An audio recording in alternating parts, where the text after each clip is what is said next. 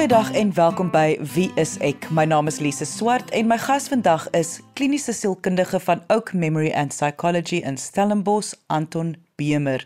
En ons gesels vandag oor die linker en regterbrein en wat dit vir ons beteken.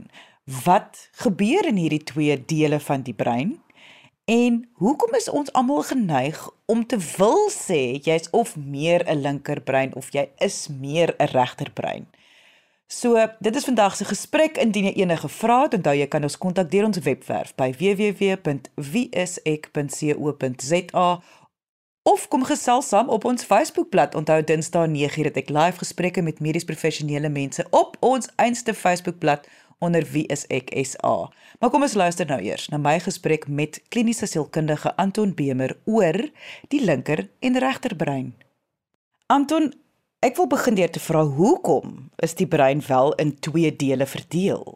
So Lise, dis 'n baie interessante verskynsel wat ons sien nie alleen in mense nie, maar ook in soogdiere, in reptiele en selfs in insekte dat daar twee hemisfere is, 'n linker en 'n regter hemisfeer.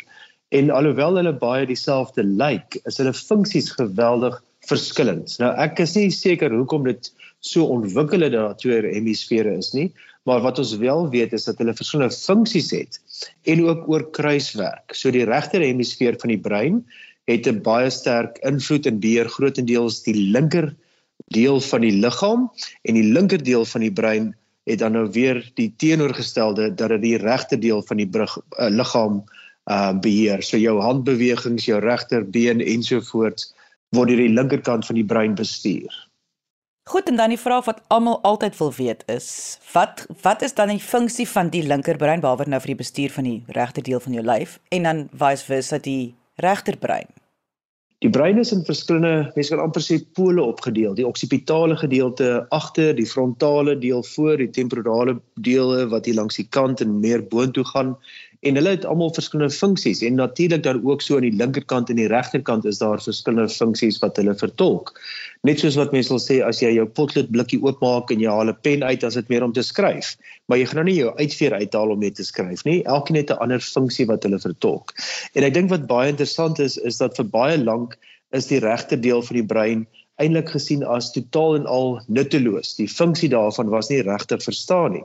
En die linkerbrein is die een wat al die aandag gekry het want daar was al redelik vroeg uitgevind deur chirurge, ehm um, ek dink selfs baie verder terug, uh meer in antieke tye ook dat beserings aan die linkerkant van die brein 'n geweldige impak het op mense se spraak.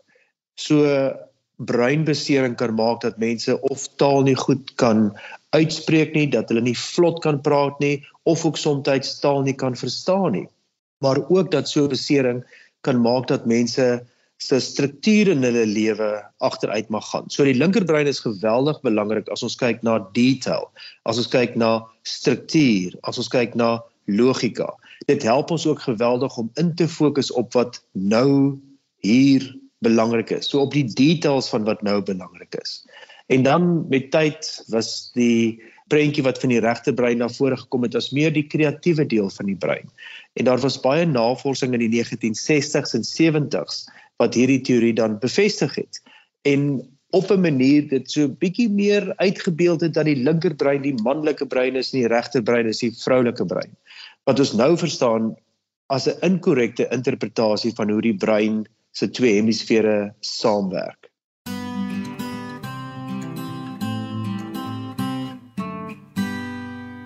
Maar Anton, waar het ons dan nou aan hierdie ding gekom dat ons mense as mense is geneig om te sê o, ek is baie meer regterbrein of ek is 'n linkerbrein mens. Asof dit 'n een of ander balkie is wat jy op jou baadjie moet vassit. Ek dink dit dit gaan terug na daardie navorsing in die 60s en 70s, so wat dan in die volgende dekades baie ehm um, na vore gekom het in verskillende boeke en idees as ons dink aan women are from Venus, men are from Mars, daardie idee van die een is baie meer dominant en dan is dit dat jou manlike brein nou praat of jou vroulike brein praat nou. Ek dink wat ook belangrik is is weet idees dat ons net 'n sekere gedeelte van ons brein gebruik en nie die totale brein nie. En al hierdie idees is eintlik uh, heeltemal misinterpretasies van hoe die verskillende dele van die brein altyd saamwerk. 'n Groot tree vorentoe was dit ons baie meer besef dat die die regterbrein gaan nie net oor die kreatiewe nie. Die belangrike funksie van die regterbrein is om altyd detail in 'n groter prentjie te plaas, vir ons die geheelbeeld te gee. Met ander woorde, al kan die linkerbrein baie infokus op die detail van iets, as ons net die detail het sonder om die groter prentjie te sien, dan is ons baie meer geneig om gespanne te raak of kwaad te raak as dinge nie regloop in die oomblik nie want ons kan nie sien hoe die langer termyn tyd verloop vorentoe of agtertoe geskied nie. Ons kan ook nie noodwendig 'n klomp ander emosies in 'n situasie inbring as ons die regte brein uitskakel nie. Wat jy met ander woorde sê is, dis eintlik so half, nou ek moet nie sê sleg nie, maar dis so half dit kan bietjie teen jou tel as jy meer linkerbrein is dan as regterbrein of meer regterbrein is as linkerbrein, want die twee moet eintlik dan soos ek nou verstaan in balans saamwerk. Maar hoe Wanneer word dit dan nou gevorm? Hoe hoe weet hoekom is sekere mense se linkerbreine dan sterker as hulle regterbreine? Op byvoorbeeld. Daar's 'n klomp faktore wat mense gedagte moet hou. Ehm uh, daar's daar's soveel dele van jou vraag. Ehm uh, as mense okkerneet so oopbreek, as ons sien daar's twee twee gedeeltes. Dit is 'n pragtige prentjie eintlik van hoe die brein lyk. Maar ons het dan nou tussen die twee uh brein hemisfere links en regs het ons die corpus callosum wat die verbinding is tussen die twee breindele. En dit is soos die supersnelweg wat hardloop en boodskappe heen en weer na die een deel na die ander deel bring. So die corpus callosum is so belangrik dat kom ons sê die regterhand weet hoe die linkerhand funksioneer. En daarsonder sal ons baie meer probleme hê in ons interpretasie van wat rondom ons gebeur, van die wêreld rondom ons. In die 1990s was daar 'n baie goeie dokumentêre prent gemaak oor 'n persoon genaamd Joe wat baie erge epilepsie gehad het. En in daardie tyd, weet, was daar gekyk na medikasie, verskillende forme van ehm um, chirurgie wat toegepas was om mense met epilepsie te help.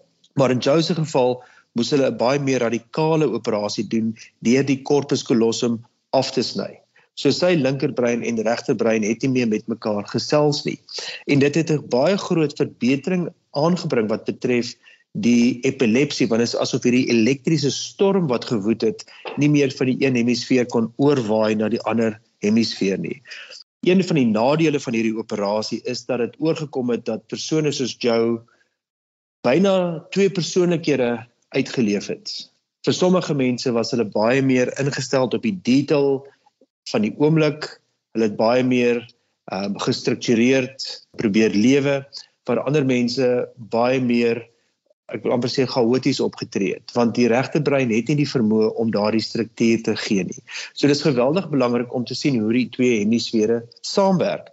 Om 'n ander voorbeeld te gee, as 'n klein mossie 'n wurmpie probeer vang, dan is die linkerbrein baie ingestel om seker te maak jy fokus in op die detail, dat jy op die regte oomblik inspring om die wurmpie te vang. Maar die regte brein moet ook die hele tyd bewus wees van die groter prentjie rondom jou, dat daar nie 'n kat sit en loer vir jou wat jou gaan vang terwyl jy jou middagete probeer kry nie. Jy luister na Wie is ek op RCG 100 tot 104 FM.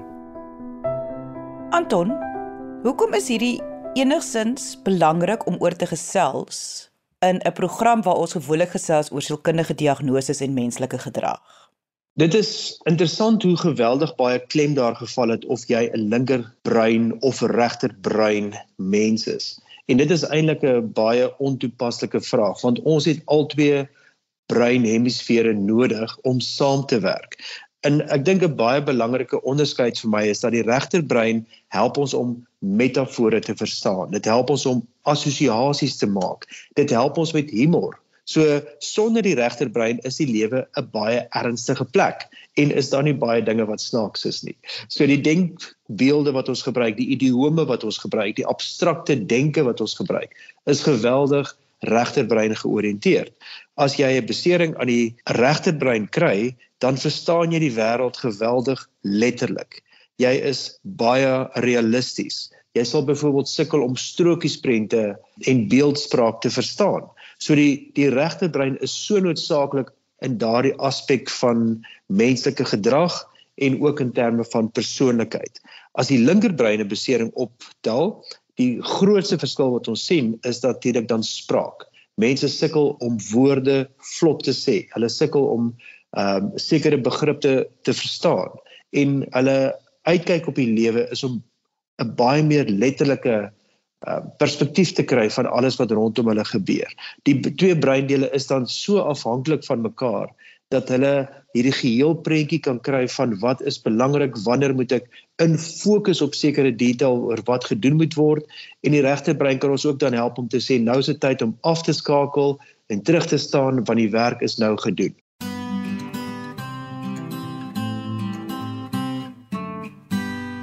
So dit kom daarop neer dat ons moet verstaan altyd eerstens, verstaan hoe werk die twee dele van jou brein, maar om ook dalk En dis nou my vraag, dalk dit te versterk daar waar mens miskien 'n bietjie swakker is, is dit moontlik? Wat so belangrik is, dit gaan nie net oor die funksie van die brein of die verskillende breinareas nie, maar werklik hoe die brein as 'n geheel moet werk. Hoe die brein uh, gebruik word om vir ons goeie inligting te gee van ons omgewing en toepaslik daarop te reageer. As jy na 'n komedie gaan kyk, jy gaan tog nie nou 'n analise maak van presies hoe realisties alles is wat die komediant sê nie, want dit gaan nie daaroor nie. Dit gaan dat hy baie keer iets absurds kan doen of kan sê juis om mense te laat lag. So dit is hierdie ander aspekte van die regte brein wat ons regtig help om humor te kan geniet. Net soos wat die linkerbrein ons soms kan help om baie ernstig wees as jy in 'n vergadering sit. Ek dink wat ook belangrik is is hoe die emosies in die twee breinhemisfere uitspeel die linkerbrein wat ons meer logiese, rasionele, gedetailleerde fokusbrein is, het eintlik net vir ons een emosie tot beskikking en dit is kwaad wees, woede, frustrasie. Dit is die emosie wat gepaard gaan met die linkerbrein. So die regterbrein het baie meer emosies wat daarmee saamgaan. Dis die vreugde van die oomblik. Dis die genieting van iets. Ehm um, dis soms die jaloesie wat na vore kom. So die regterbrein maak 'n wêreld van emosie oop wat beskikbaar is. Dis 'n baie meer vloeibare deel van die brein wat baie meer kreatief kan kyk na dinge. Ek dink 'n goeie voorbeeld daarvan is as jy na musiek kyk wat op 'n blad gedruk is. Dan sien ons streepies en ons sien kolletjies. En sekere kolletjies en streepies is baie naby mekaar en daar's spasie tussen hulle. Maar dit op sigself beteken niks, maar dit is wat die linkerbrein sien. Die regte brein kan melodie en harmonie verstaan. So dit is hoe dit by mekaar uitkom. Jy het die een nodig vir die ander ene. Maar as jy sukkel om 'n stuk musiek op 'n klavier te speel, dan gaan jy dalk met jou linkerhand 'n paar note oor en oor en oor oefen. So dis die detail daarvan. Maar as jy dan die hele musiekstuk saam speel, dan gaan daardie steel wat jy geoefen het outomaties inpas by die groter prentjie. So jy het nodig om daardie gedetailleerde stukkie te oefen, maar natuurlik is dit dan die groter melodie waarin dit inpas en dit is waar die regterbrein so belangrik is. Ek dink die ander goeie voorbeeld is om motor te bestuur. Almal kan nog sekerlik onthou toe jy die eerste keer agter die stuurwiel moes gaan sit en dalk net sonder dat die kar aangeskakel is, net die petroltrap en die clutch-trap en die ratte verwissel en dat jy die flikkerligte aangesit het en afgesit het en die stuurwiel probeer draai het net om so 'n idee te kry van hoe alles werk.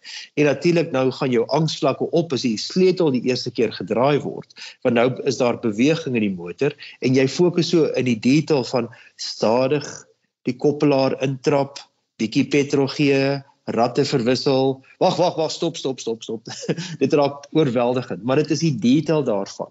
En nadat jy vir 'n paar jaar bestuur het, kom jy soms outomaties by 'n plek aan en dan dink jy, "Jesus, jy het nou eers gekonsentreer om te ry om hier uit te kom nie, want dit word so tweede natuur." So die groter prentjie um help ons, die regte brein help ons om hierdie spesifieke detail wat jy moes aanleer om motor te bestuur of klavier te leer speel um te integreer dat jou musiekstuk gespeel word, dat jou bestuursvermoë op 'n reis na 'n ander dorp toe baie maklik kan geskied, want al daai details is nou geïntegreer.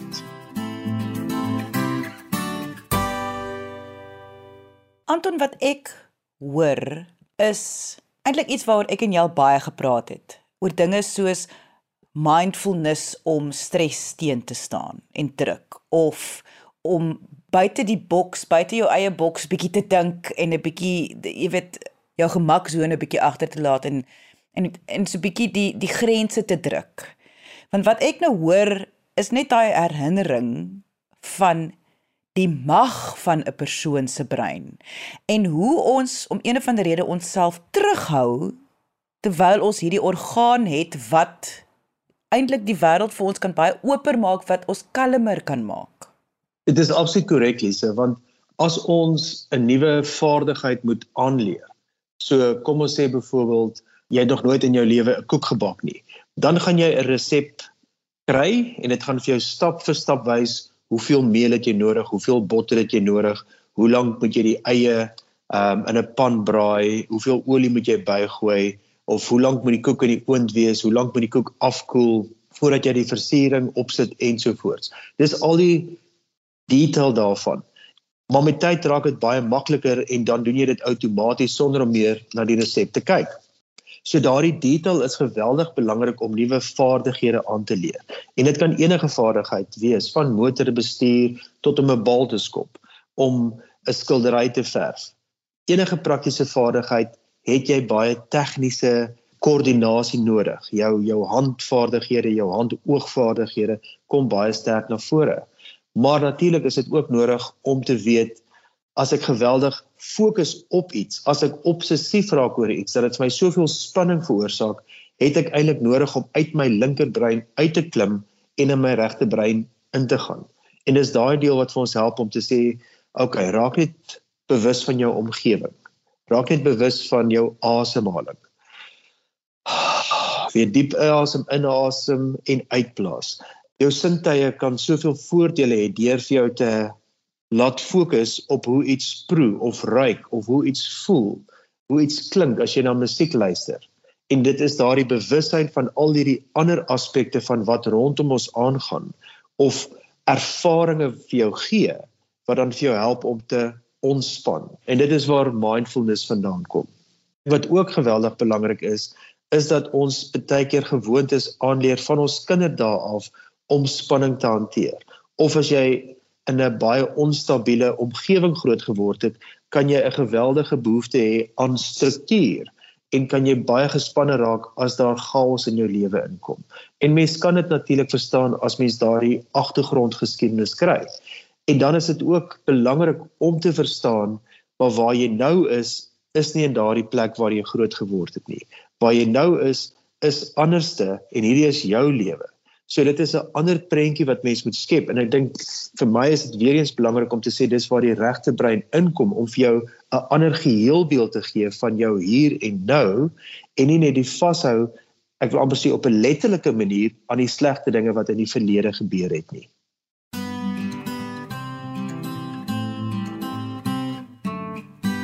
Ek probeer net dink hoe dit prakties gesien word in die wêreld want jy het aan die begin gesê vroeër jare was daar baie meer fokus gelê op die linkerkant van die brein. Die praktiese kom ons sê nou maar die praktiese deel van die brein soos ons dit nou verstaan. Maar dit voel vir my generasies het nou so verander dat nou het dit nou hang dit meer aan die ander kant die klem lê nou weer op die regterkant van die brein nou is kreatiwiteit en emosies so half heeltyd op die voorgrond en geen wonder die, die generasies misverstaan mekaar nou nie want die fokuspunte is heeltemal de mekaar. Wat is die ideaal Anton? Ek dink mense moet dink aan meer as een ideaal. Ehm uh, jy het vroeër gevra of mens kan werk aan sekere swakpunte en natuurlik is die antwoord ja. As jy gewoond is om baie in jou gedagtes te lewe en jy het hierdie kreatiewe, verbeeldingryke uh vermoë om te kyk na die wêreld rondom jou.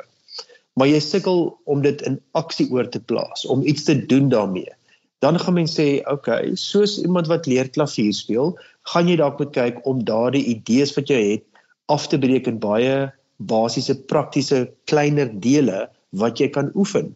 Of dit nou musiek is of dit skilder is of dit kos maak is, uh of dit is in gesprekke met ander mense, weet hoe maak mense dit meer prakties dat dit na vore kan kom en nie net 'n wonderlike idee idee is of droom is waarmee jy lewe nie.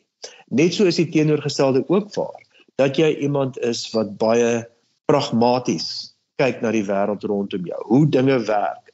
En dit kan baie voordele hê as jy jou motor moet regmaak of dinge by die huis moet regmaak.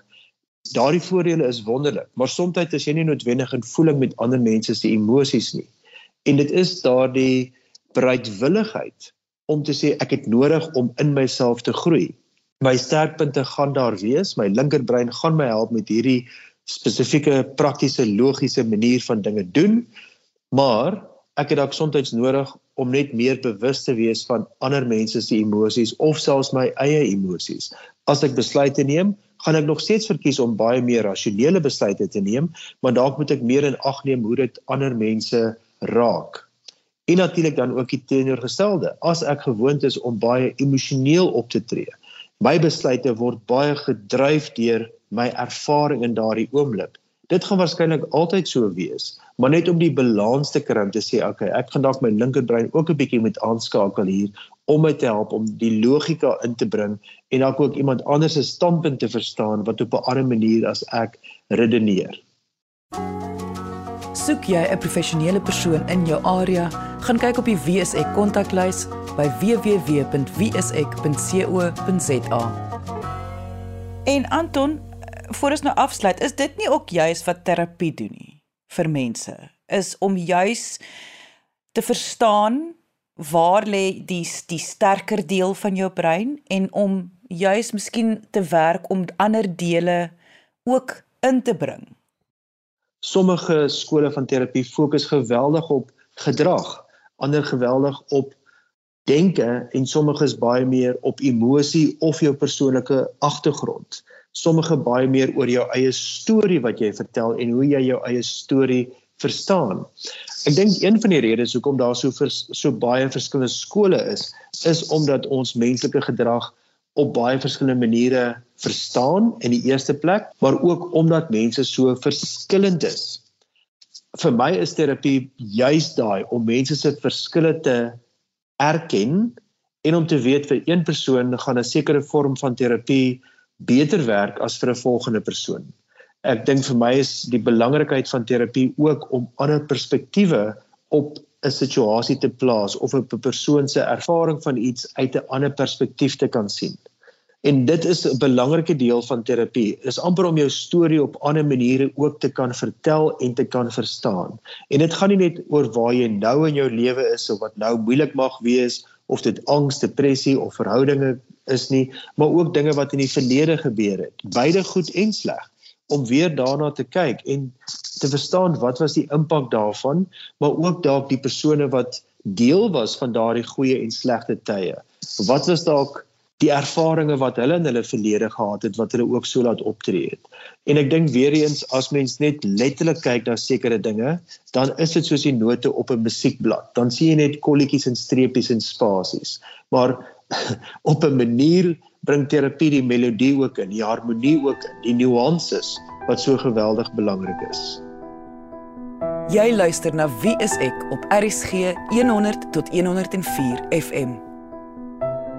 En dit was kliniese sielkundige van Oak Memory and Psychology in Stellenbosch, Anton Bemer.